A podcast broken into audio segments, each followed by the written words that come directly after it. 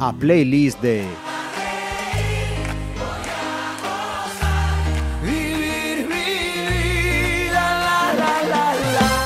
Saludos, bienvenidos a una playlist más eh, en la que tenemos eh, como invitado, vamos a hacer casi un segundo subtítulo también de esto de la playlist, la reivindicación de la profesión periodística, porque llaman unos cuantos compañeros que, que pasan y con mucho gusto por estos micrófonos de, de Pontevedra Viva. Bienvenido, Adrián Rodríguez.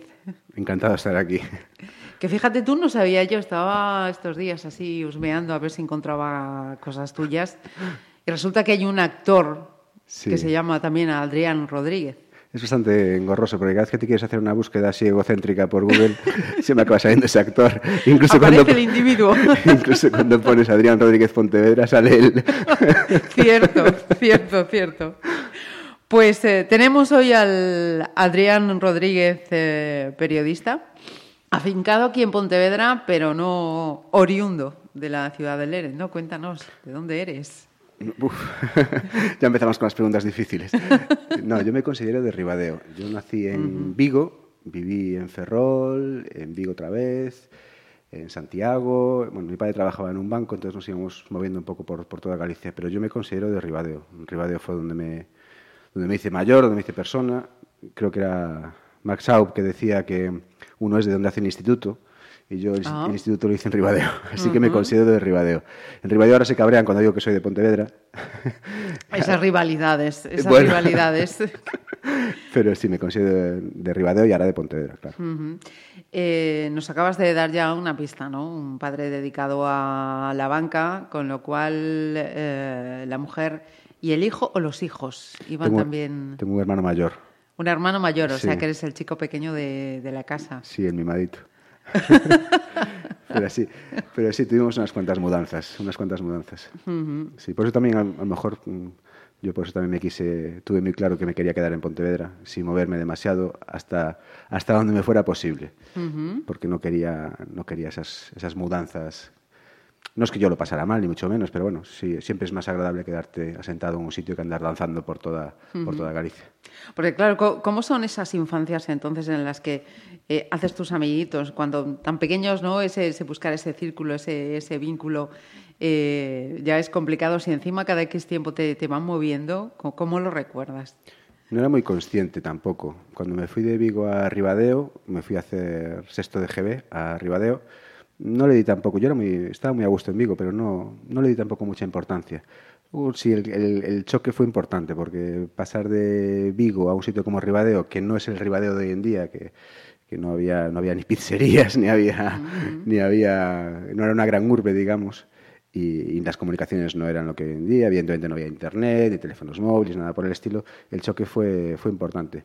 Eh, hubo una vez que estaba en tercero de BUP, que estuve- estuvimos a punto de mudarnos otra vez, que al final no se, no se materializó, que sí que estaba traumatizado con, con el cambio, ¿no? Uf, una edad complicada, eh, no quería irme bajo ningún concepto. Y al final, pues eso se truncó y, y me quedé allí. Luego, ya una vez que enganchas con la etapa universitaria, pues ya todo es diferente porque ya vuelas solo prácticamente. Entonces, todo, todo, es, todo es diferente. Mira, vamos a hacer una primera parada antes de preguntarte por cómo era el Adrián de la escuela, ¿era un chico estudioso, no era, cómo, cómo se portaba, si era muy trasto, no era muy trasto. Un clásico. ¿Empezamos por el orden en que me las pasaste o Vale, sí, sí, sí, vamos? sí. Sí. Pues entonces vamos con un clásico, sí, que no, no faltan. Eh, en el caso de la primera selección, eh, ¿lo tuyo es eh, como Madrid-Barça, o Beatles o Rollins, o, lo tienes...? Soy, soy más de Beatles, pero me gustan también los Rolling. Esto es, la- la he elegido porque va un poco con la primera educación musical que tienes, que es la que escuchas en casa. En mi casa se escuchaba mucha música porque a mi madre le gustaba mucho la música y compraba, Ajá. compraba muchos discos. Y, y he elegido este porque teníamos un disco de grandes éxitos de los Beatles que a mí me, me maravillaba desde pequeño y que he oído hasta la saciedad. Aún lo pusimos hace poco en casa de, de mi hermano que tiene ayuda toca discos con los discos viejos que aún lo pusimos otra vez y, me parecían que todas las canciones eran buenísimas, pero esta en concreto era, era mi preferida. En la Hard Day's Night.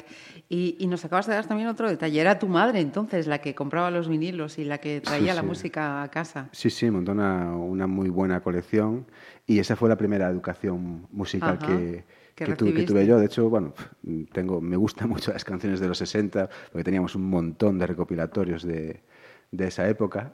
Y incluso de, de- de los típicos eh, artistas italianos que, que había de, de esa época y los que traducían las canciones americanas al castellano. Ajá. Todas esas eh, me, me da para hacer un máster. Ujú. Tenemos que hacer una competición entonces un día también.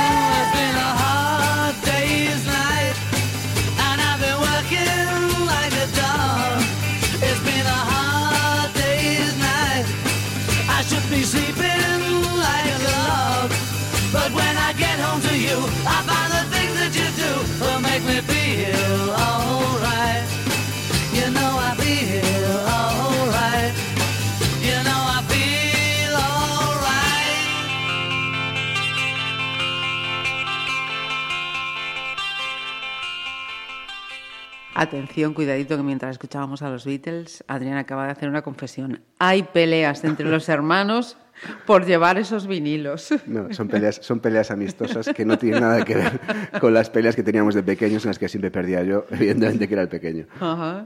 Sí, sí. Y cuéntanos, ya que seguimos en la infancia, eso de ser el pequeño que te hacía ser más trasto, menos trasto, el Bueno. que se llevaba las collejas y acabo de ver que, que sí. De todo se espabila. ¿eh? Tuve muchas etapas. Tuve, cuando era pequeño era muy, muy sociable, muy, muy, muy risueño, muy, muy echado para adelante. Luego tuve una etapa de retraimiento, Sí. que me volví muy tímido, eh, cuando ya era en la etapa hacia la adolescencia. Y luego pues ya me convertí otra vez en una persona más o menos normal. que es lo que soy ahora, creo. Está bien. ¿Y en los estudios cómo era? ¿Era un niño aplicado o ahí esos padres tenían que estar encima, encima, encima? No, fui, fui- Yo, cre- yo creo que no, no me equivocaría en la respuesta. Pues tenemos otra vez respuesta ambivalente. Fui muy, muy aplicado, fui muy aplicado hasta tercero de BUP. En tercero de BUP desconecté completamente, se me acabó, no sé. Es una etapa difícil para todo- todos, todos los chavales, pero pasé de sacar sobresalientes en segundo de BUP a suspender tres en tercero de BUP en la primera evaluación. Aprobé selectivo por los pelos, no, sino lo siguiente, porque saqué un cuatro y pico, pero tenía una media muy buena que al final me dio un, casi un 7, gracias a lo que había hecho antes. Y, y- y- y hasta el final de la carrera no volví a recuperar el gusto por estudiar. No, Hasta el final. Sí, hasta el final. Iba sacando los, trampeando los cursos, Ajá. pero no volvía a gustarme estudiar hasta el final de la carrera. No, no conseguí encontrar una motivación que me, que me devolviera al estudiante que había sido anteriormente, que era un estudiante muy aplicado.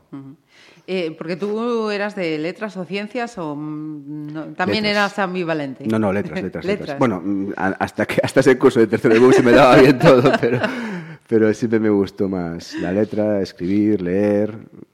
Me gustaba, siempre quise ser periodista, siempre. Aunque luego no estudié periodismo, precisamente por ese resbalón final de los dos últimos cursos que me destrozó la media y me hizo imposible estudiar periodismo y acabé haciendo ciencias políticas, lo- de lo cual al final pues estoy muy contento de haber estudiado ciencias políticas eh, y de luego haberme dedicado al periodismo después de haber estudiado eso. Pero, pero vamos, que, que- que quise estudiarlo, pero no, no, no fue capaz. No, no, no, no, entré, no entré en la nota. Seguimos ahí mm, luego preguntándote por esa dualidad ciencias políticas en eh, periodismo.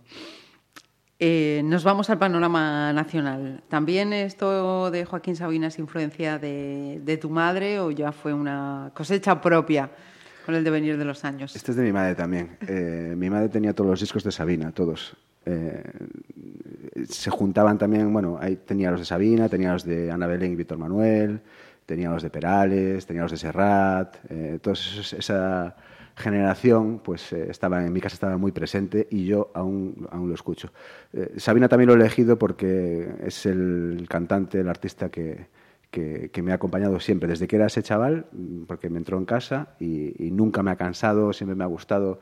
Eh, para mí es un Ajá. único y, y un referente absoluto, siempre, siempre lo escucho. Además nos habías pedido una versión muy concreta. Sí, es que soy muy maniático en general. Eso, eso no lo hablamos, pero soy muy maniático, entonces tiene que ser eh, eso en concreto, porque aparte es la que más me gusta.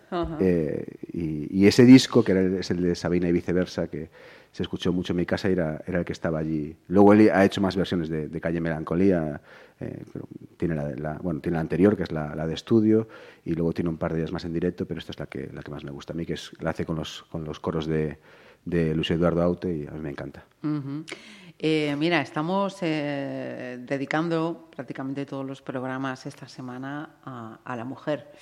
Llevamos ya varias ocasi- ocasiones mencionando a tu madre. ¿Cómo, ¿Qué nombre tiene esta mujer? También Pilar. vamos a darle su espacio.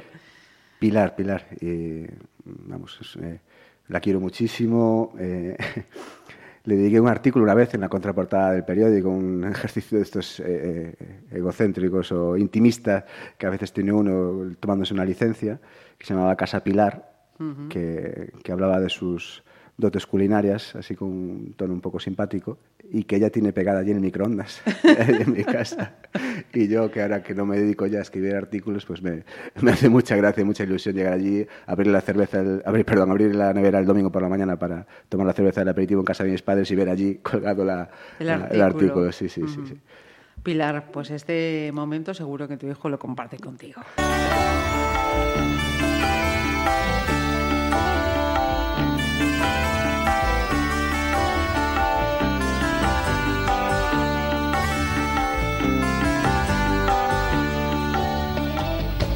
Como quien viaja a lomos de una yegua sombría por la ciudad camino. No preguntéis a dónde, busco acaso un encuentro que me ilumine el día y no hallo más que puertas que niegan lo que esconden las chimeneas vierten su vómito de humo a un cielo cada vez más lejano y más alto. Por las paredes ocres se desparrama el zumo de una fruta de sangre crecida en el asfalto ya. El campo estará verde, debe ser primavera cruza por mi mirada un tren interminable. El barrio donde habito no es ninguna pradera, desolado paisaje de antenas y de cables vivo en el número 7, calle Melancolía. Quiero mudarme hace años al barrio de la alegría, pero siempre que lo intento ha salido ya el tranvía. En la escalera al desierto a silbar mi melodía.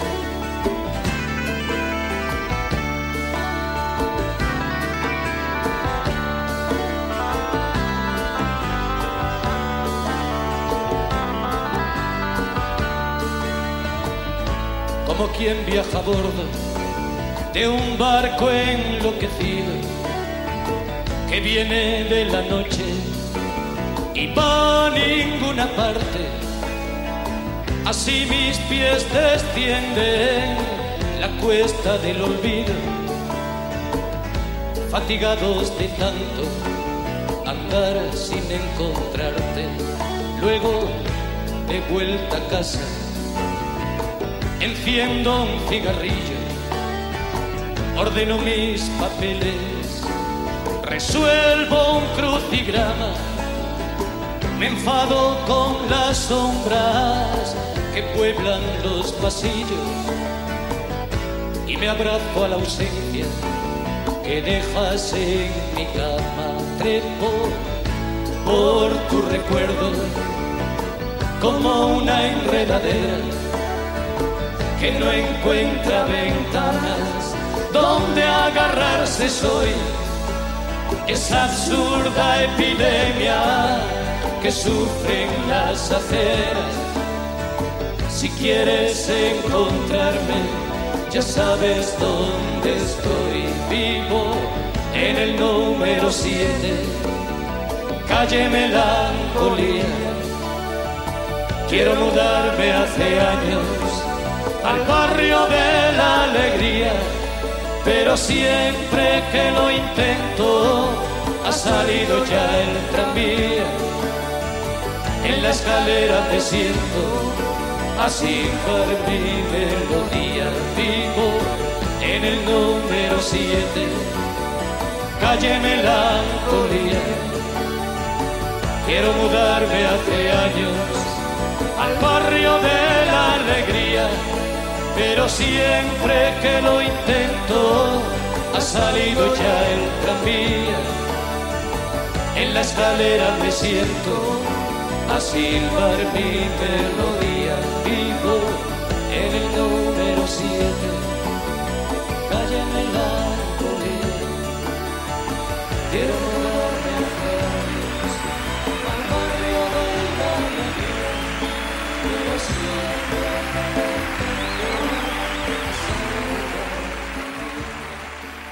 Eh, nos decía que tenía vocación de periodista, Adrián, pero al final esas notas se jugaron la pasada de tener que irse a ciencias políticas, que, que también es otra de tus eh, vocaciones. ¿Cómo es ese momento, dejar el nido y marcharse, imagino que a Santiago, ¿no? Sí, a Santiago. Ujú. Lo pasé mal, lo pasé mal.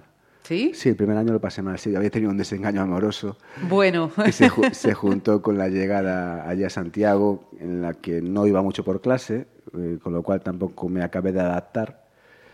Y durante ese primer cuatrimestre del primer año no, no lo pasé bien. Luego llegó una primavera estupenda con un mes de marzo radiante y, y se levantó todo, pero, pero al principio no, no, no lo pasé. No, no conseguí adaptarme a la vida universitaria. No, no, seguía, aún estaba en esa etapa de retraimiento y no, no acabé de conectar con el, con el mundo universitario. Venía de un pueblo pequeño como Ribadeo, en el que todo el mundo te conocía, y de repente llegabas allá a Santiago y, y tenías que, que hacerte un círculo nuevo. Estaba en una carrera en la que no, tampoco conocía a nadie. No había venido mucha gente de mi promoción de, de COU a estudiar a Santiago, porque Ribadeo está cerca de Asturias y mucha gente también se iba hacia, hacia Oviedo. Ajá. Y, y- fue, fue complicadillo. Pero bueno, todo te curte, ¿no? Ujú. Y decías, hasta final de carrera no le cogí el, el puntillo. Ya a finales, cuando le pillas el punto a Santiago. Sí, no, a Santiago le cogí el punto antes, pero, pero a la carrera, a la carrera me costó un poquito más. Eh, es una carrera muy teórica y, y luego también pues con la evolución tuya personal, de interesarte pues, los temas políticos y, y demás, pues fue, fue un poco, un poco hacia el final. Y, y la verdad es que le cogí mucho gusto. Me habría gustado, eh, bueno, no me habría gustado empezar otra vez porque tendría que probar todo otra vez, pero sí que me habría gustado eh, tomármela de otra manera. Eh, terminas esa carrera y cuando, mm, digamos, mm, tienes que poner el punto de aparte y decir, ¿y ahora qué? ¿Qué es lo que pasa por la cabeza de Adrián? A- veces no eres muy consciente de las decisiones que vas tomando y que te condicionan luego de una manera tremenda. Yo eh, había un profesor que de los pocos que se preocupaban de ir más allá de la clase magistral, que trató de buscarnos una- una- unas prácticas a, todos los que, quisiéramos que estuviéramos allí. Él decía que eran muy importantes porque eh, te iban a permitir dos cosas. Por un lado, eh, perder el miedo al mundo laboral y segundo, darte cuenta de la cantidad de inútiles que hay trabajando por ahí, que eran más burros que tú, que- con lo cual no había que tener ningún miedo de dar ese paso adelante, de salir del, del- del refugio que es eh, eh, la universidad, en la que prácticamente nada tiene ningún coste, a- a- al mundo laboral. Y, y a partir de una de esas, pues eh, una concatenación de casi casualidades, acabé entrando en hacer unas prácticas en, en Diario de Pontevedra. Tengo que decir que a mí me encanta Pontevedra, me voy a quedar aquí para toda la vida, pero la primera vez que fui a, a la entrevista de- del Diario Pontevedra fue la primera vez que salí de la estación de autobuses de Pontevedra y pisé el centro. De hecho, me dijeron que me dijeron que estaba cerca de Benito Corval y yo pregunté que si Benito Corval era el centro de la ciudad. O sea, que con eso lo digo todo. Eh, seguimos hablando luego de, ya de tu etapa de inicio del, del periodismo. Un artista que se va a repetir, de alguna, de alguna manera no, se va a repetir. ¿Qué tiene Erika Clapton? Eric Clapton es mi, bueno, con Sabina es mi, mi artista preferido. Este, esta canción de Old Love del, del disco Unplugged, el disco Unplugged de Eric Clapton fue el primer disco que compré yo, o el primer CD que compré con mi dinero. Había comprado una cinta cuando era pequeño de Siniestro Total, un cassette, pero el primer CD que compré fue, fue este. Creo que es el disco que más veces he escuchado en mi vida. Lo he oído siempre. De hecho, me pasó una cosa eh, que no sé, a quién, no sé a quién le dejé este CD, que lo perdí. Eh, tengo la, la caja vacía en casa, con lo cual tuve que me regalaron después, años más tar- más tarde, uno nuevo Ajá. para poder tenerlo en, en CD, porque yo aún compro CDs de vez en cuando, tengo que decirlo. Compro en iTunes, pero también compro algún CD de vez en cuando. Y este disco, de hecho lo tengo ahora mismo en la mesilla de noche, lo, lo sigo oyendo y no me cansa, no me cansa, no me cansa. Pensé que ibas a decir, con lo cual quiero decir que quien tenga este CD, por favor, está a tiempo de devolvérmelo. Eso es una lucha imposible. Lo de dejar música es como lo de dejar libros. No debes hacerlo nunca. Pasa que luego a veces te vienes arriba y dices, venga, quieres hacer una labor altruista. e ilustrar, final ilustrar a la el gente. primo. Y al final haces el primo, porque me pasa con un libro también que me, que me gusta muchísimo, que es Saber Perder, de David Trueba, que no he conseguido averiguar a quién se lo he dejado. Pues aviso a otro navegante o Sí, naveganta, a ver qué pasa con este libro.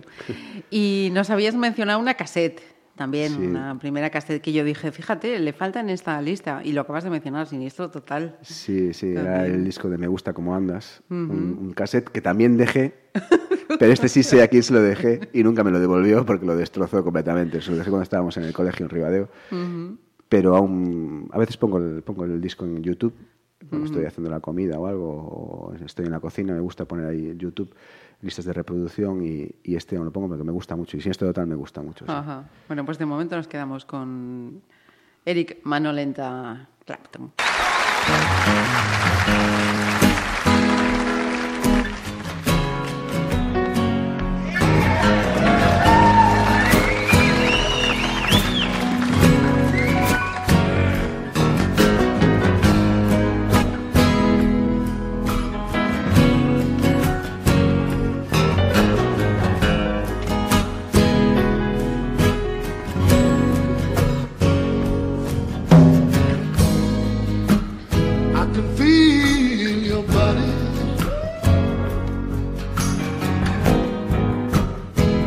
I'm lying in my bed.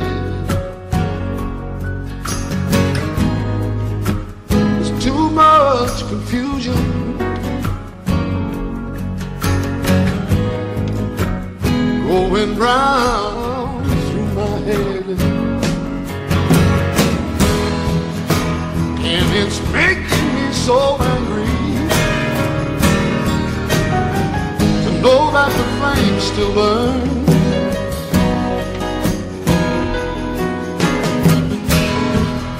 Lord, why can't I get? And when will I ever learn? Oh, love.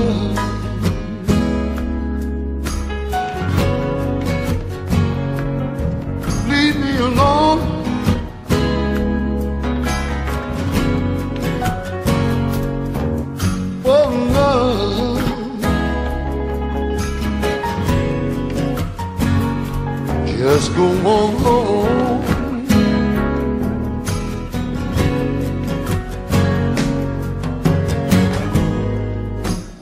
I can see your face. Yes. But I know it ain't real. Just an illusion.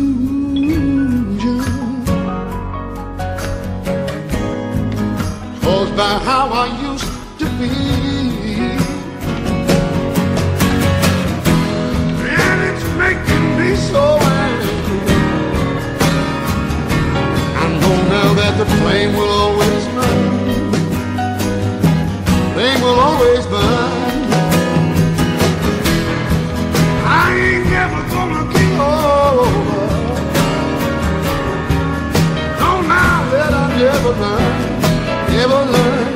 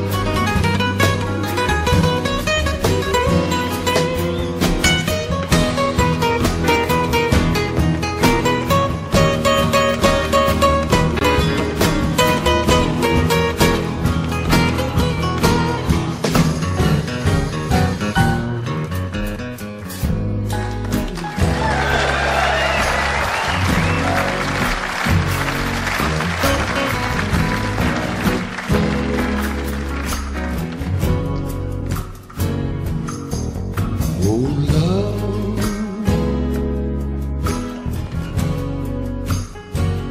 Just go on home.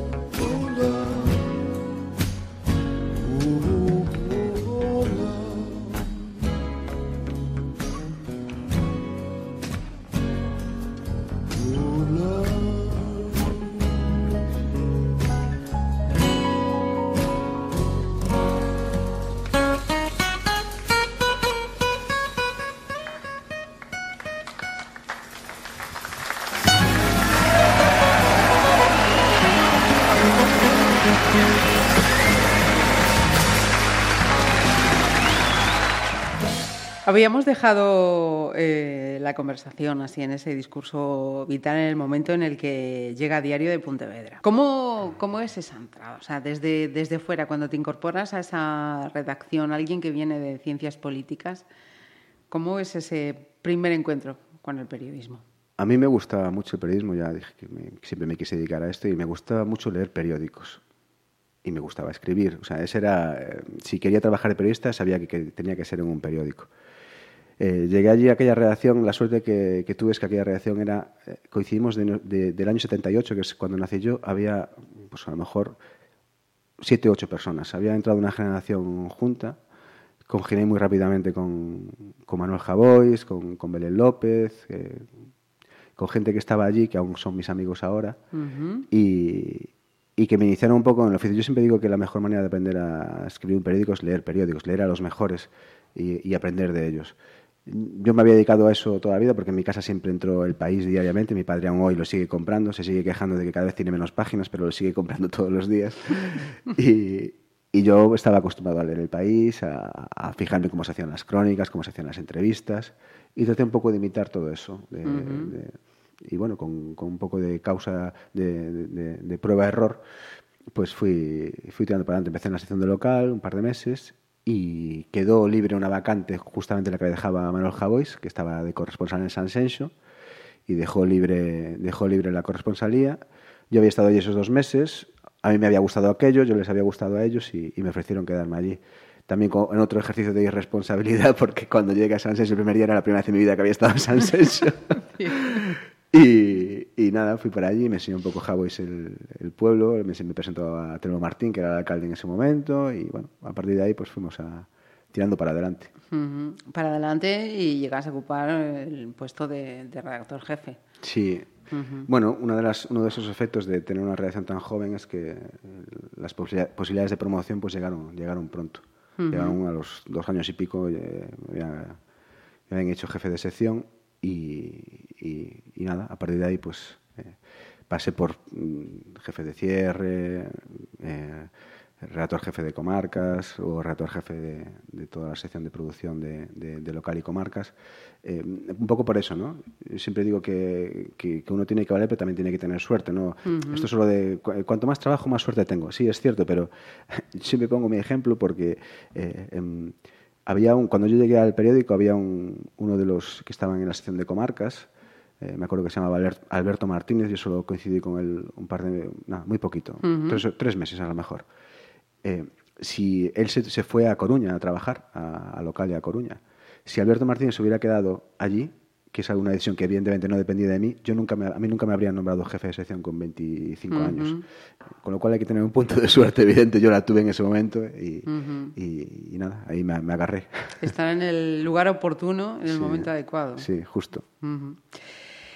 Esto de escribir no te llegaba con lo del periódico, que además dijiste, venga, me abro un blog y voy a empezar a Ponteve- pontevedrear. Sí, fue una manera un poco de, de- agrupar y de ordenar todos los artículos que iba, que iba sacando una vez que empezaron a colgarse en Internet, eh, pues para tener una especie de archivo, ¿no? Y, y un poco también por, también por, por, por egocentrismo, ¿no? por tener allí una, una ventana al mundo. Era cuando también iba, empezaban las redes sociales, más o menos fue lo del blog cuando empezó, cuando me metí en Facebook. Y, y, bueno, los periodistas siempre tenemos o solemos tener ese punto de, de, de ego, de, de- de gustarnos la, la firmita, el, el huequito en la primera página, ese tipo de cosas. Eh, aunque quien lo niegue me parece que, que no está diciendo la Que verdad. miente. Sí. Y entonces el blog era un poco de eso. Y también trasladar tu, tu- tus artículos fuera de Pontevedra, de que te vieran en otros sitios. Y, y un poco fue por eso. Pero bueno, el, el blog al final acabó, acabó muriendo de inanición. Bueno, pero ahí está, para Sí. quien todavía no, no le haya echado un vistazo. Eh, otra pausa y, y luego voy ya con tu vida personal. Vamos a dejar la profesional un poquito. Eh, yo pensé que cuando mm, vi Don McLean, digo, vaya, ya está, ya sé. American Pie. Pues no, toma, te equivocaste. Crossroads. Sí, a veces llega uno a los, a los discos por casualidad también. Este, esta canción está dentro del disco de American Pie, que el, el disco se llama igual que la canción más conocida que todo el mundo conoce de Don McLean, que es American Pie. Eh, es un disco mm, American Pie seguramente es la canción más movida de todo el disco.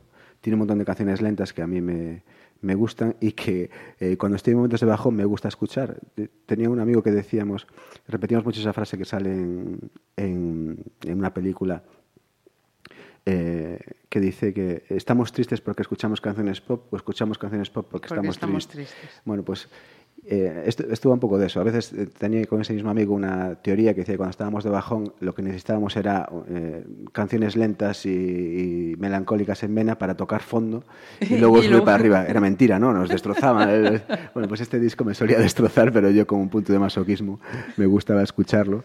Y, y es un disco maravilloso, desconocido casi todo, porque todo el mundo conoce la canción principal. A mí, de hecho, me pasa que a veces lo pongo y me salto la canción de American, Pie, American Pie. y pongo todas las demás porque me encanta.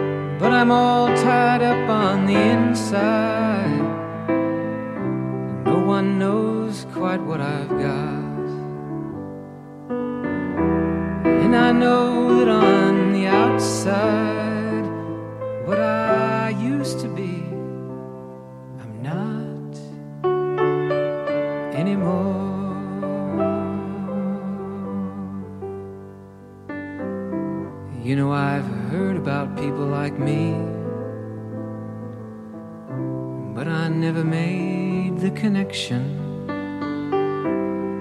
They walk one road to set them free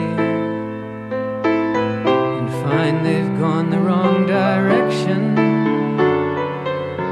But there's no need for turning back, cause all roads lead to where I stand. And I believe I'll walk them all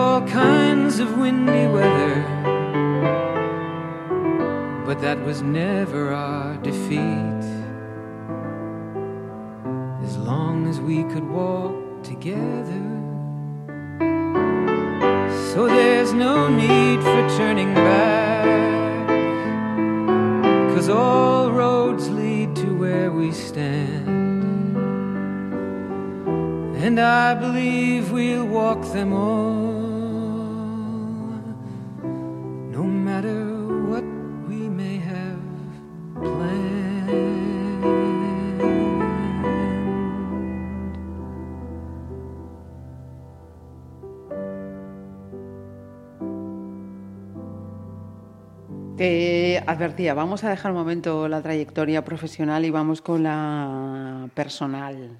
¿Dónde llega ese momento fibra en el que uno dice, esta es? ¿En Santiago? ¿En Pontevedra? En Santiago. Eh, ¿Te refieres a mi mujer? Sí, claro. en Santiago nos conocimos en la Biblioteca Xeral de Santiago, allí estudiando, eh, por casualidades de la vida también. Y, una cosa te va llegando un poco a la otra, ¿no? Eh, A leer un libro, a otro, a otro ¿te refieres?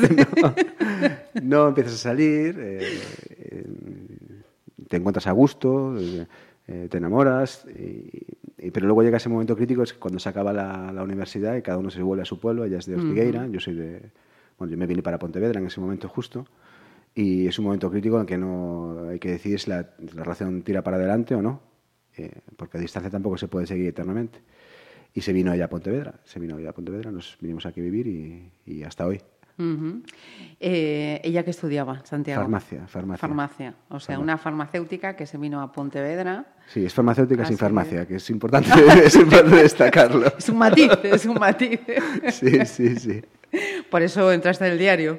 Si no, te veía yo en la rebotica. Eh, Adrián, como decía, es una farmacéutica que se vino a, a Pontevedra.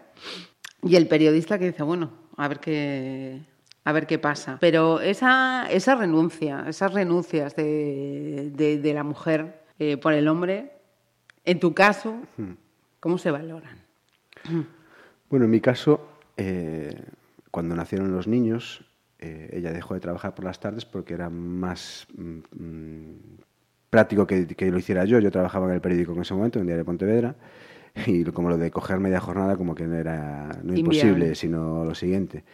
Y, y lo decidimos así, pero vamos, a mí no me habría importado en ningún momento ponerme yo a media jornada y, y que ella siguiera con su carrera eh, profesional. No, de hecho, cuando, cuando yo dejé eh, de trabajar en el diario de Pontevedra, eh, ella se puso a jornada completa otra vez y estaba yo cuidando a los niños, con lo cual, eh, en ese sentido, eh, tratamos de ser una pareja lo más igualitaria posible. Otro nombre femenino está en la entrevista. ¿Cómo se llama? Esta otra Paula, mujer? Paula, perdón. Me, Va, Paula. me va a matar mi madre Pilar y mi mujer Paula, pero Paula, Paula. Pues fíjate, tenía yo aquí preparada una pregunta también para más adelante, pero viene perfectamente a colación ahora. Venga. Y hace referencia a uno de los artículos que un amigo tuyo escribió sobre ti, Sí, Bernardo Sartier. sí. Decía en un artículo de Pontevedra Viva que eres como un koala. es un hombre que, vaya por donde vaya, siempre va con, con sus hijos y que has llegado incluso a renunciar a algún trabajo por, por estar con ellos. Eh, todo eso es cierto, sí. Eh, cuando, cuando estaba en el periódico, mis horas de ocio eran más reducidas y tenía menos tiempo. Muchas veces cuando llegaba a casa los, los niños ya estaban durmiendo, no, no tenía posibilidades ni de leerles un cuento, ni de, ni de acostarlos. Nuestro momento básicamente era mediodía, cuando comíamos y, y todo eso. Eh, entonces, todo el resto del tiempo libre, sobre todo el fin de semana, incluso cuando yo trabajaba, trataba de, de estar. Entonces, teníamos una tertulia los sábados por la mañana en el Zafire y allí se iban cada uno en solitario, hasta que aparecía yo con mis dos niños, que se pedían su zumo de melocotón y su cacaolat y sus patinetes, y allí estábamos, estábamos los tres en amor y compañía. Y luego ya cuando no estaba en el periódico, pues claro, como, pues como un padre normal, toda la tarde con los niños, de actividad en actividad, de parque en parque y, y acarreando con ellos y peleando con ellos para que, para que tiraran para adelante. Y lo de la oferta laboral, eh, bueno, mm, es, es así, es así. Pero bueno, si llegado también fue cuando, al poco de, de dejarlo de Diario de Pontevedra, evidentemente si llega un momento en que mm, eh, esa oferta es la que hay, pues te, te la tienes que comer porque, porque es lo que toca. Eh, no- no sé, no- fue una cuestión de esperar un poquito más para ver si salía una cosa que me permitiera eh, compatibilizar más la, la- la vida eh, de los niños con, con la mía. Es un niño y una niña. Dos niños. Dos niños, Y voy, y voy- a decir el nombre antes de Sí, que me lo preguntes. sí, sí.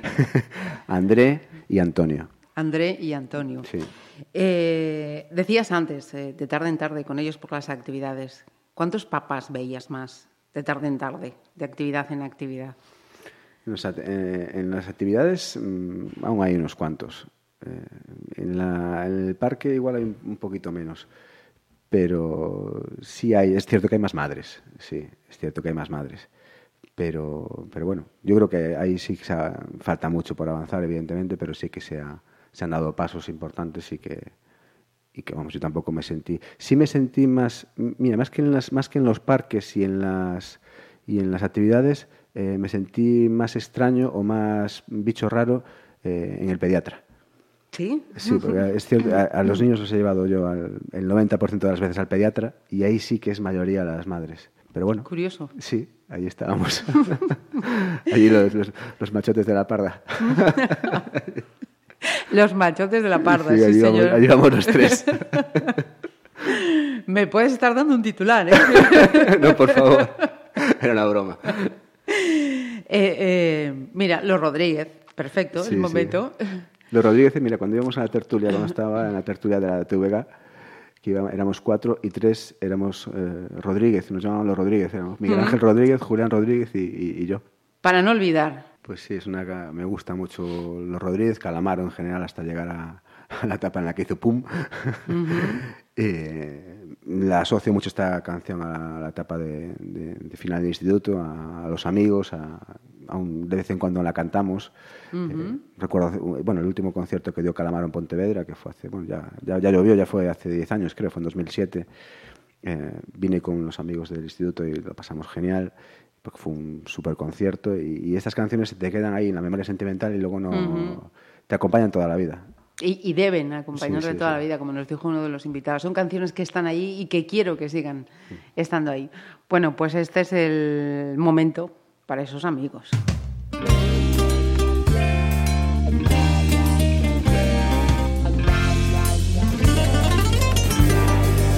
de un tiempo perdido. Esta parte esta noche ha venido un recuerdo encontrado para quedarse conmigo. De un tiempo lejano, esta parte ha venido esta noche otro recuerdo prohibido, olvidado en el olvido. Para remediarlo, voy a quedarme contigo para siempre pero puede que te encuentre últimamente. Entre tanto me confundo con la gente. Sentimentalmente nuestro por ahora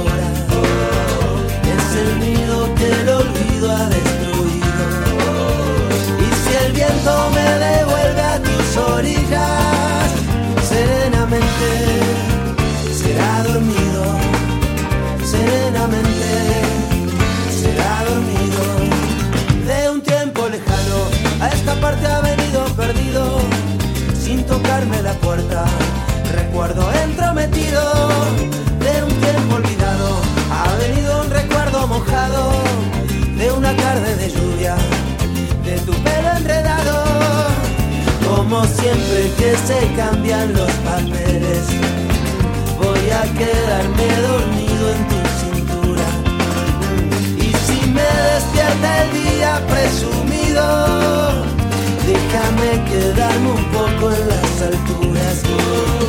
¿Para qué contar el tiempo que nos queda? ¿Para qué contar el tiempo que se ha ido? Si es un regalo y un presente, mitad despierto, mitad dormido,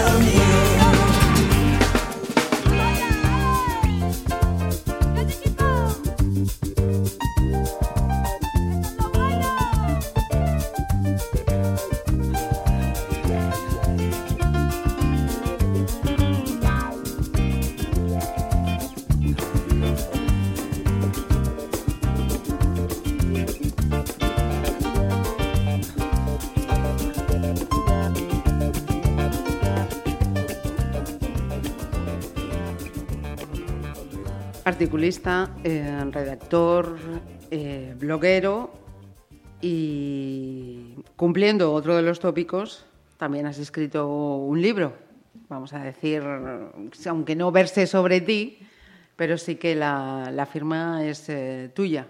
De hecho, mm, si mal no recuerdo, fue mi compañero Alex quien por primera vez os puso delante de los micrófonos de Pontevedra Viva Radio con motivo de, de este libro de memorias de, de Rivas Fontán.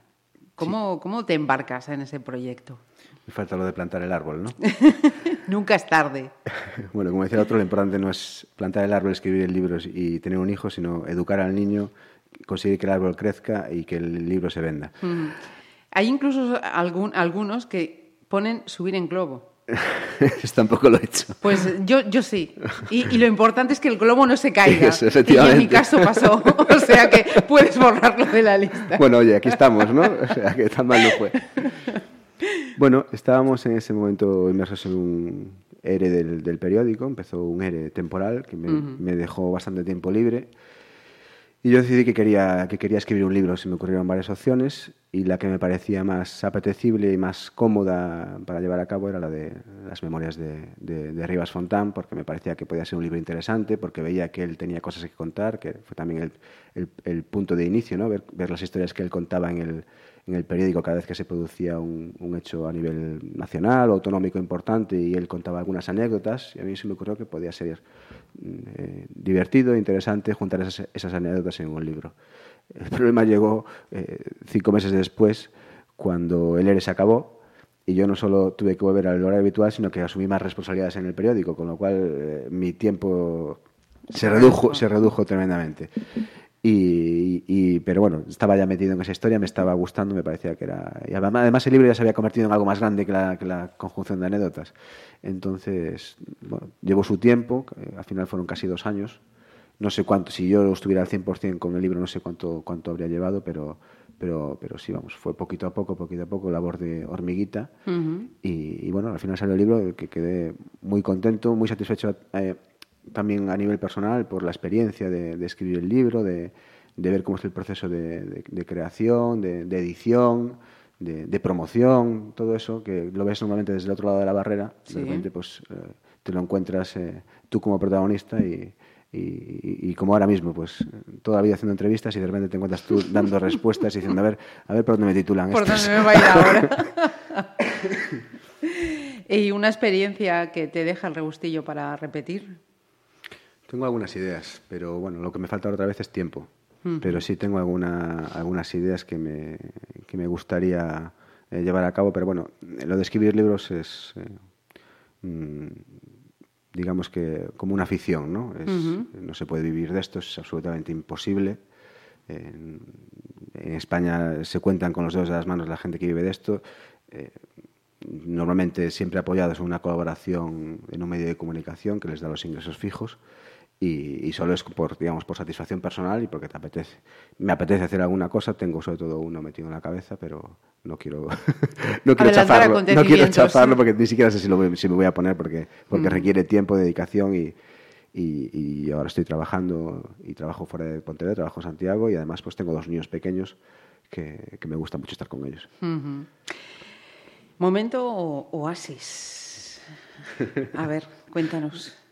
Nosotros decíamos, se dice Oasis, pero nosotros decíamos Oasis. Sí, sí, Y- no, y no, seguimos- yo sigo, sigo diciendo diciendo oasis. Sí, sí, sí. Es un poco como lo de, Calamaros, también es de la etapa eh, esa, de los amigos, de, de, de descubrir canciones nuevas, de, de, de buscar la letra, de- cuando no había internet, ¿no? que era todo más complicado. Mm. Escuchar, a ver si cogías una palabra, otra palabra, un amigo que sabía más inglés que tú, a ver si te podía ayudar. Y, y, bueno, Xavier, que era y es mi mejor amigo, nos conocemos desde la EGB, que hemos estado juntos toda la vida, aunque a distancia, pues era nuestro, nuestro grupo de, de referencia, eh, el, que, el que aún nos gusta poner de vez en cuando y cuando tomamos, hacemos una cena en casa o, o así, aún nos gusta eh, pinchar la música de, de Oasis porque, porque vamos, eh, quedó ahí, es un grupo que no dio más de sí, y de hecho creo que los- a mí me gustan los dos primeros discos, algún single y un poquito el tercero, más allá de ya no Ya no vas. ya no me ya no me ya no voy.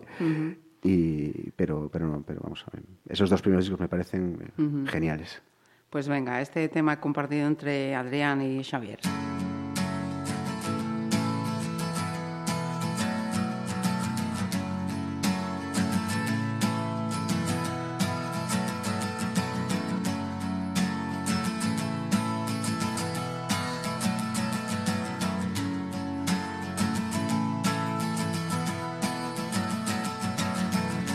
Today is gonna be the day that they're gonna throw it back to you. By now, you should have somehow realized what you gotta do. I don't believe that anybody feels the way I do about you now.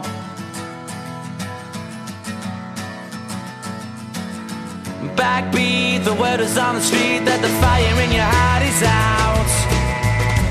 Sure you've heard it all before, but you never really had a doubt.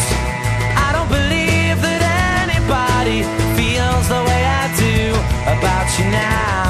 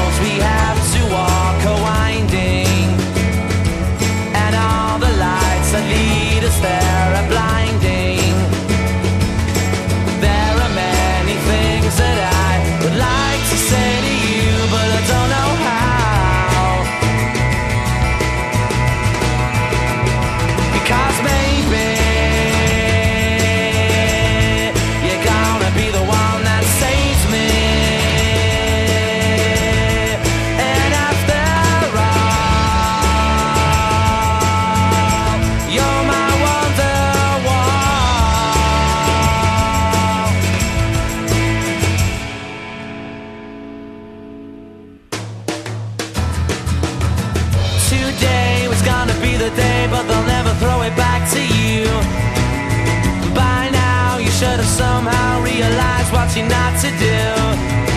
I don't believe that anybody feels the way I do about you now.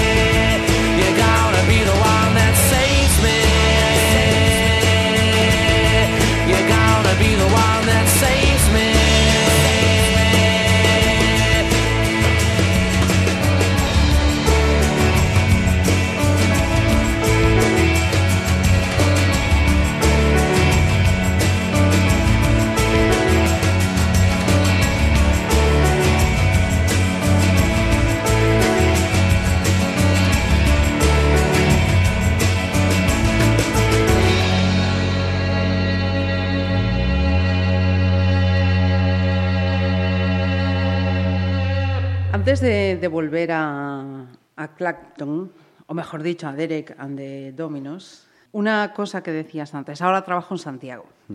Eh, trabajas eh, en el gabinete de vicepresidencia, ¿no? Sí. ¿Cómo se ven los toros desde esa barrera? Siempre digo que me he pasado al lado oscuro, que es el de los políticos. Se ve, bueno, tener- venir, del otro, venir del otro lado te da una visión más global, ¿no? De- Entiendes perfectamente qué es lo que te están pidiendo, la urgencia con la que te lo están pidiendo. eh, y bueno, la, la parte más interesante, quizás más novedosa, sea la de, la de, bueno, de cómo comunicar las cosas que tú quieres comunicar. Eh, yo estoy encantado. Estoy encantado. Me, me gusta mucho este, este trabajo. Me gustaba mucho el otro también, pero, pero también me gusta mucho esto. Son dos, dos partes diferentes. Eh, creo que acerté eligiendo este, este, este trabajo y, y vamos, estoy encantado y espero quedarme ahí muchos años. Mi único problema es que ando- estoy, en el- estoy eh, asociado a Monbus, entonces voy todos los días y vuelvo. Acciones. Sí, pero bueno, si te organizas bien y vas leyendo y escuchando música, pues, o trabajando incluso, te- se lleva bien. Sin ánimo de cerrarte ninguna puerta el día de, de mañana. Una preguntita de estas de una de las opciones, las dos opciones o las tres opciones. ¿Es ingrato el periodismo, los medios de comunicación o aquellos que dirigen los medios de comunicación?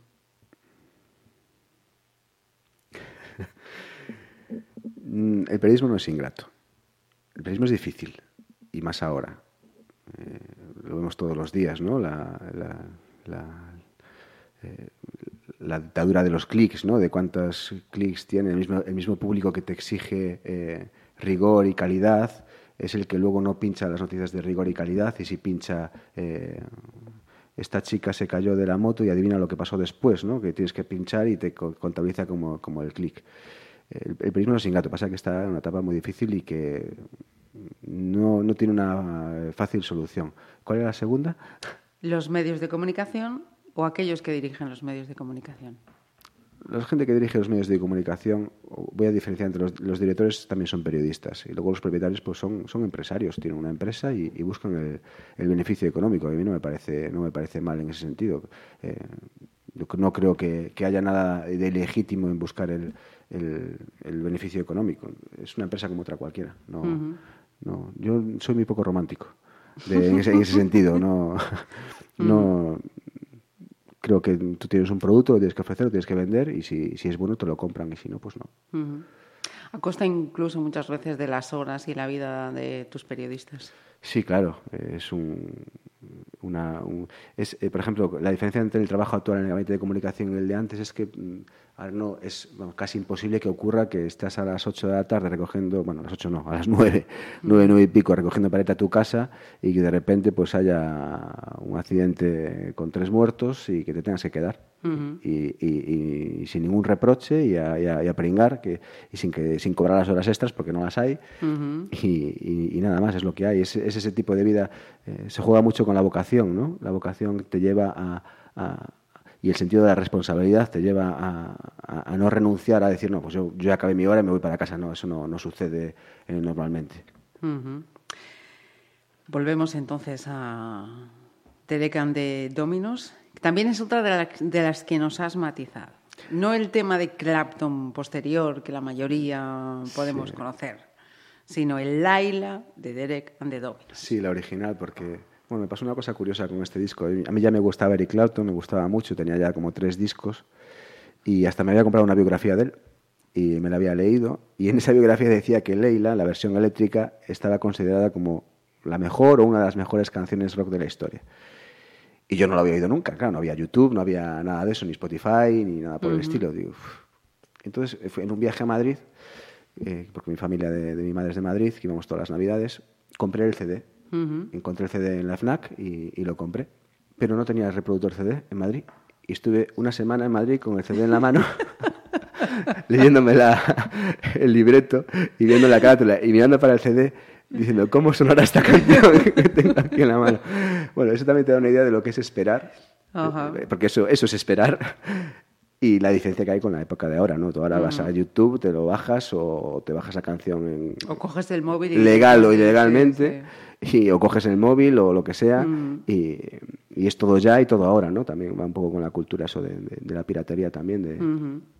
de que no hay sentido de, la propiedad intelectual ni nada por el estilo. Y, y sí me acuerdo de, de esa historia porque estuve una semana, una semana exacta con en la mano. Eso es sufrir. What'll Música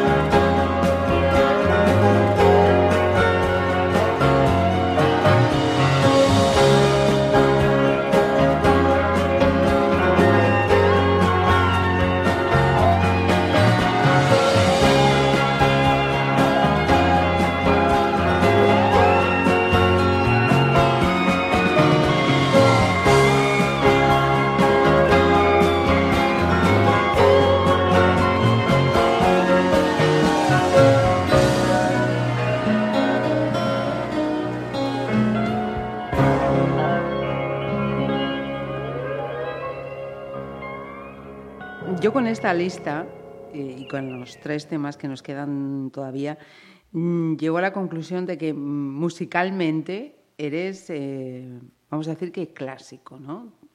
De los 90 para atrás, lo que quieras, pero de ahí en adelante ya... mm, Yo me, quedé, yo me quedé en el último año de la carrera, que fue 2001, y a partir de, a partir de ahí es raro que me... Mira, me gusta... El único grupo que realmente me, me gustó mucho después de esa época es, es Pereza. De hecho, en la primera selección de esta tremenda responsabilidad que escoger 10 canciones de tu vida, eh, tenía Pereza en una de las canciones, al, al final se cayó en las dudas del fin de semana pero poco he, poco he avanzado. Sí me gustan canciones sueltas, de hecho, en el, bueno, mi hijo mayor, que ya tiene, eh, va a cumplir ocho ahora, eh, es un obseso de cadena 100. Entonces, vamos, dijo hace poco que quería comprarse un coche para tener cadena 100 en la radio del Sí. coche. sí. Qué grande. Y, y sí, ahí escucho las novedades, ¿no? Ahí sí que va... Bueno, hasta, hasta un día descubrí que me gustaba una canción de Justin Bieber. Me gustaba la canción y luego cuando, cuando descubrí que esa canción era de Justin Bieber dije, madre mía. Pero ¿Qué sí- está pasando con Adrián? Sí. Pero sí, me cuesta, me cuesta coger cosas nuevas, sí. Sí, sí, sí. Espérate a que crezcan. Sí, no, ya, bueno, eso es lo que me queda, pero, pero, pero sí, de 2001 para adelante, difícil. Alguna cosa suelta, alguna canción. eh, eh, bueno, me, gustan, me gusta Coldplay, que aparte lo estoy escuchando mucho últimamente, algunas canciones en concreto, pero, pero poco, poco más. eh, toda la, casi toda la música la compré entonces y, de hecho la, música que he comprado después normalmente es de autores o de artistas anteriores a esa época. Eh, otro de los temas que dices de los que te gusta hablar es la comida. Antes mencionabas que mi- mientras cocinas te gusta ponerte tus listas de reproducción y ponerse ahí entre cazuelas. ¿Es muy cocinillas, Adrián? O... Bueno, ahora no tengo mucha oportunidad porque, porque como fuera, en Santiago, entonces como, como de menú. Ajá. Pero sí que me gusta. Tengo, no es que sea un gran cocinero, pero sí tengo unos cuantos platos que me salen eh, aceptablemente bien. El arroz con, con calamares, con potas, me sale, me sale razonablemente bien. la tortilla, eh, bueno, hay uno- los revueltos, cosas Ajá. así, pues sí que la pasta me queda bastante bien también. Eh, tampoco nada, nada muy elaborado, pero sí, sí, me, sí, sí me pongo, sí sé hacer y, y sí me gusta mucho disfrutar, además, me gusta mucho disfrutar de la comida. Ajá. Y probar, probar sitios nuevos, probar restaurantes y, y- y, bueno, siempre creo que hay, hay era un poco receloso hace años de, de la nueva cocina, pero ahora estoy absolutamente rendido, vamos, eh, Pepe Soria me parece un, un restaurante, un cocinero espectacular. eh, mm, y me pasó una cosa curiosa una vez con él, me lo encontré, me lo encontré en el McDonald's. Me encontré a Pepe Soya en el McDonald's, sí. Y, y, dije- y él, que es un tipo, me parece una de las personas más sensatas que conozco, eh, que desprende mejor energía que conozco.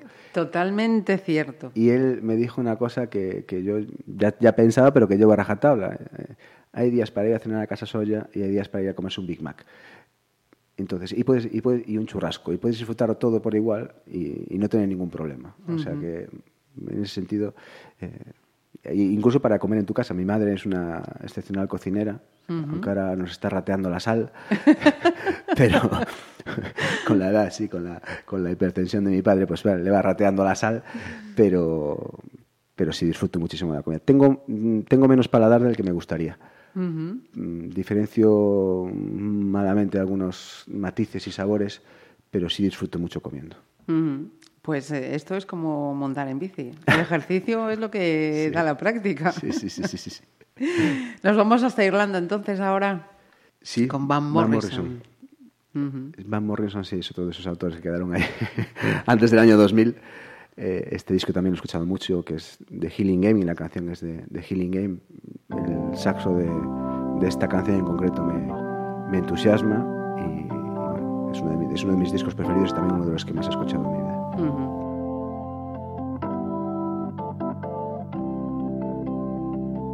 Here I am again,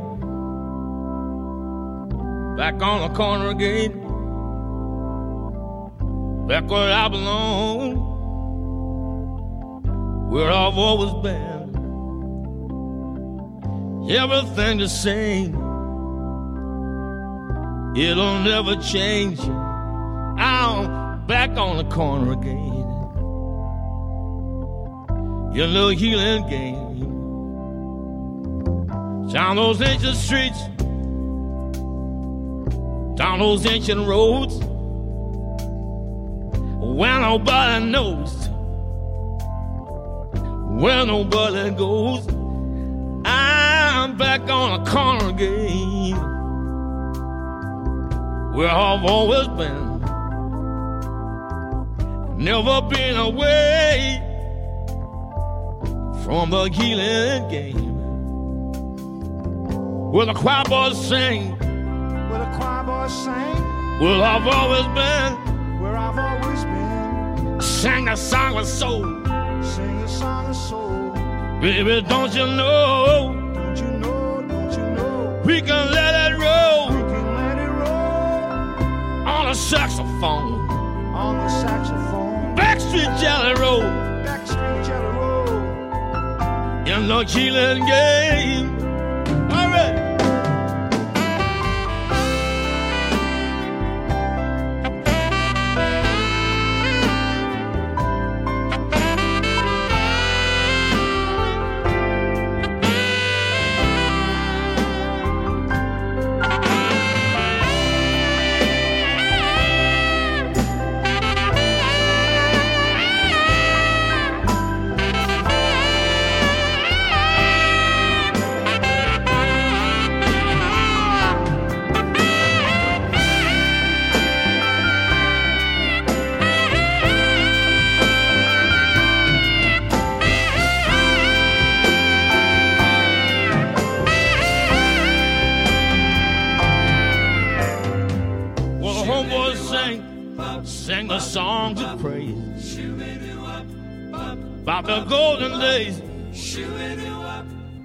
In the healing game.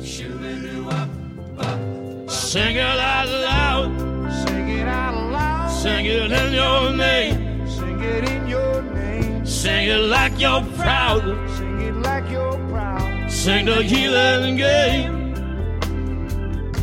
Sing it out loud, Sing it out loud. sing it in your name, Sing it in your name. sing it like you're proud. Sing the healing game. Sing the healing game. Sing the healing game. Sing it in your name. Sing the healing game. Sing the healing game. Sing the healing game. Sing the healing game. Sing the healing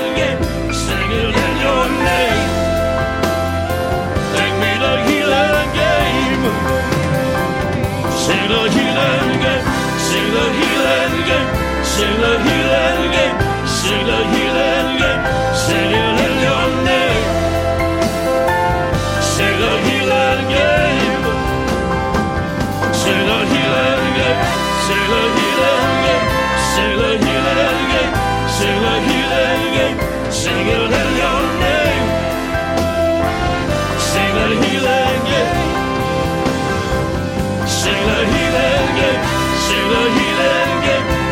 the healing game, sing the healing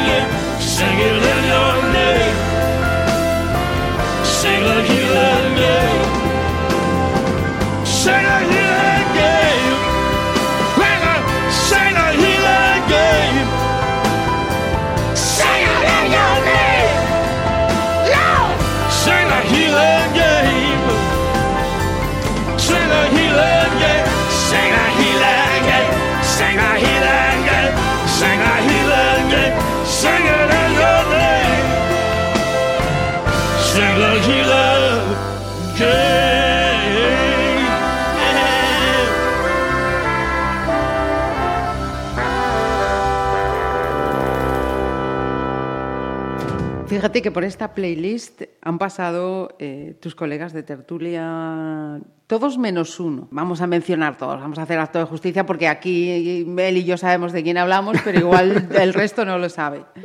Nos falta Manuel Pérez Lourido, Sí, han pasado por aquí ya Rodrigo Cota, sí, Bernardo Sartier, sí.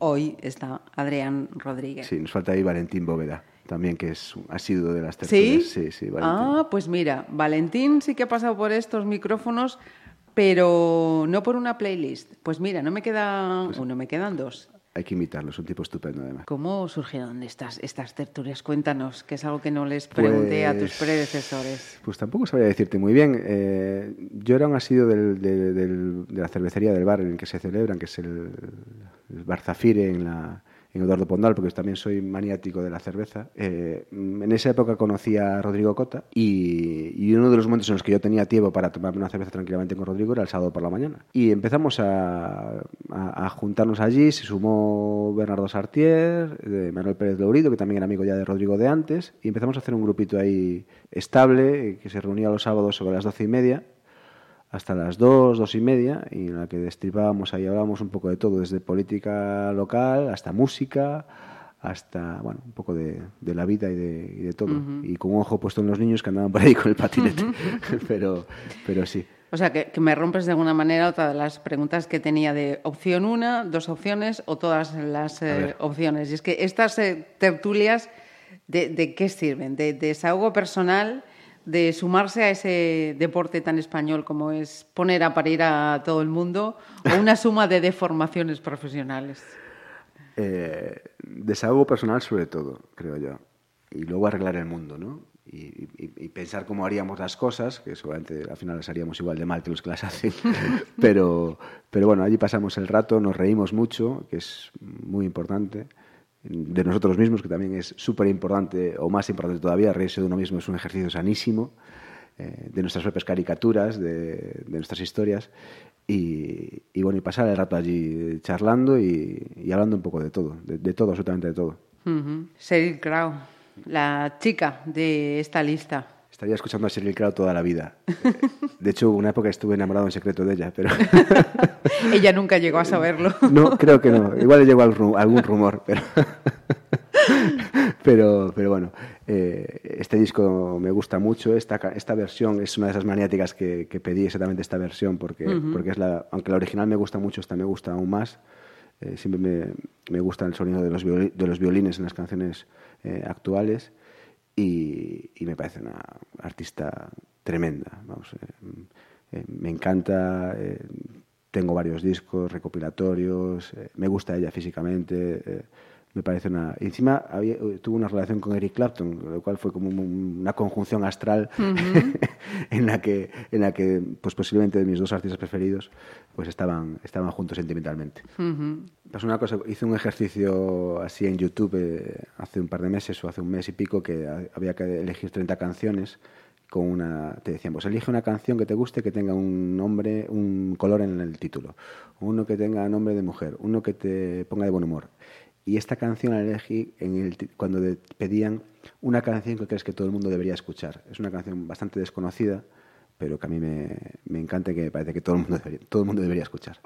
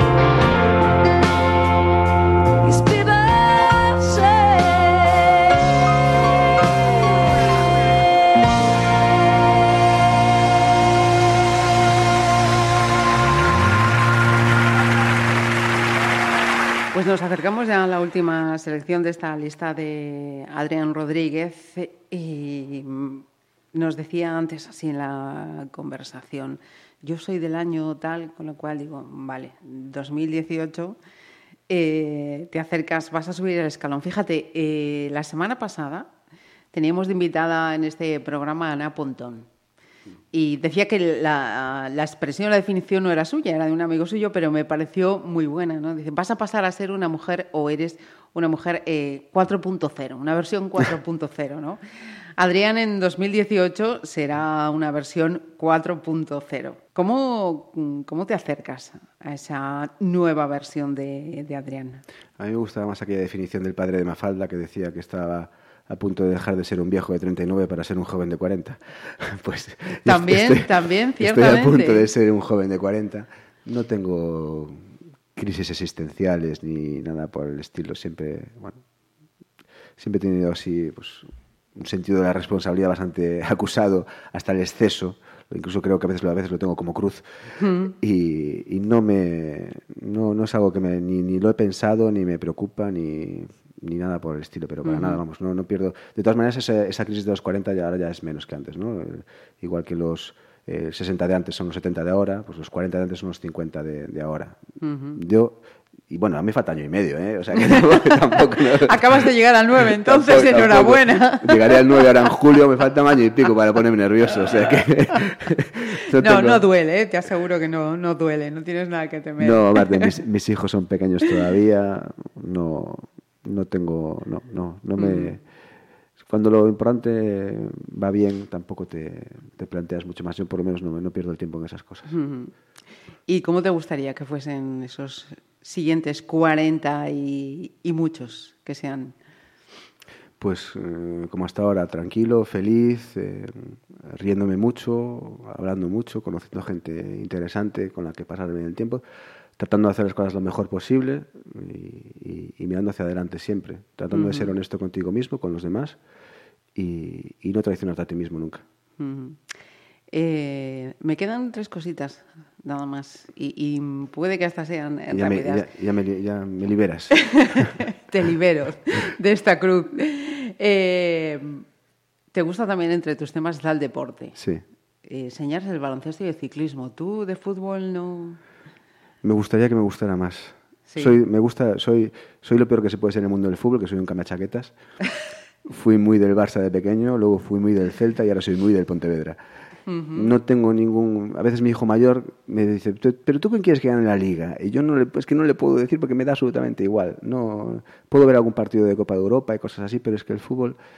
Hasta no me apetece que él haga fútbol, no por nada, sino porque no me gusta tampoco eh, el ambiente competitivo que hay hasta el exceso en, en- en las categorías inferiores del fútbol. Ujú. Y, pero no, a mí el fútbol no. Yo soy muy de, muy de baloncesto, muy de ciclismo. Me gusta también el atletismo, me gusta, hasta me gusta el boxeo, pero sobre todo baloncesto y, y ciclismo. Estaría hablando de historia del ciclismo tres días seguidos y estaría hablando de baloncesto tres días seguidos. Me- De hecho, este año, eh, con el cambio laboral, eh, he vuelto a jugar al baloncesto. Hacía eh, 14 temporadas que no jugaba Caramba. y cometí la insensatez de, de meterme en ese berenjenal con el que he sido muy feliz en arcade, con mis compañeros de arcade que me han acogido muy bien y, y que, me, que, me, que me tratan muy bien y aparte es que me, es la mejo- el deporte es una manera de evadirse y de, y de, Ujú. y de canalizar la, la- el día a día, las frustraciones, eh, es la mejor, es, vale más un, Es un ejercicio de limpieza física y mental. A mí me vale más una pachanga de baloncesto de hora y media que una sesión con un terapeuta. Ciertamente. Y dos últimas cositas. Recomiéndanos una peli y un libro. Una peli, tiene que ser actual. Mira que yo me quedé anclado en el 2001. No, no, no, no, no. Una peli y un libro. Mi película favorita es eh, LA Confidential. Desde la- el día que la vi en el cine salí eh, eh, maravillado, catatónico, que quería volver a meterme otra vez para volver a, para volver a verla. Que- y la veo siempre que, siempre que la engancha la tele soy incapaz de dejar de verla. La, grabo, la, ve, la vuelvo a ver. Me, me parece una película perfecta. Y un libro, me dijiste. Un libro. Bueno, pues. eh, Qué responsabilidad. Ya fue mucha responsabilidad coger las 10 canciones y me estás poniendo un aprieto de caray. Mira, me puedes derivar. Mira, iros a mi blog y No, tenéis unos a ver, cuantos. un libro. que yo ya he visto eh, unos voy, cuantos. mira, voy a decir, en, en mi, mi ranking de libros preferidos eh, estaría ese que dejé, Saber Perder. Me parece un libro estupendo. Me gusta siempre cuando eh, leí Santa Evita de Tomás Eloy Martínez, dije, eh, qué libro, mm, cómo me gustaría haber escrito este libro. Eh, y, y tengo varios de Vargas Llosa que me parecen tremendos. Eh, el- la fiesta del chivo, eh, conversación con la catedral, Pantaleón en las visitadoras. Me gusta, me gustan mucho. Y luego también, eh, uno también depende de la, de cómo, del estado en el que, que está personal cuando lee un libro o cómo le afecta en ese momento. Eh, yo hay un autor que ahora mismo que no, los últimos libros no me interesaron nada, de- que es Arturo Pérez Reverte, pero cu- cuando lo leí en la adolescencia eh, me impactó mucho. El Club Dumas es un libro que le tengo un cariño tremendo, que he, rele- he releído un par de veces porque, porque me gusta, me gusta mucho y, y lo asocio a ese momento, en un momento en que disfruté esa lectura eh, tanto que no podía parar. Y por la última canción, John Denver y ese Anis Song. Cuéntanos cómo- por Pues- qué cerramos con esto. Esta canción eh, siempre me ha gustado y de hecho en mi boda eh, sonó en vez del vals inaugural. Tiene un, tiene un ritmo así un poco cadencial. Me pareció una idea estupenda y habría que decir eso que se dice en estos casos, ¿no? En, en aquel momento parecía una buena idea. Luego el- el, eh, perpetré el baile de una manera, bueno, como es habitual en mí, que, que- que tengo un sentido del baile. Me gusta bailar, pero no sé bailar. Eh, y, y bueno, pues se hizo lo que se pudo. Pedí perdón incluso al acabar el baile a los invitados. Bien. Luego tuve que sobornarlos con cigalas y con, y con, y con lubricantes. Pero, pero bueno, fue bonito. Pues Adrián, de verdad, muchísimas gracias por aceptar esta invitación y, y lo he pasado muy bien. Bueno, pues a ver si lo pasan bien también, que no sé, si- no sé si tendremos mucho interés. Seguro que sí, no lo dudes, no lo dudes. You fill up my senses like a night in a forest, like the mountains in springtime, like a walk in the rain, like a storm in the desert, like a sleepy blue ocean. You fill up my senses. Come fill me again. Come, let me love you. Let me give my life to you. Let me drown in your laughter. Let me die in your arms. Beside you. Let me always be with you. Come, let me love you. Come, love me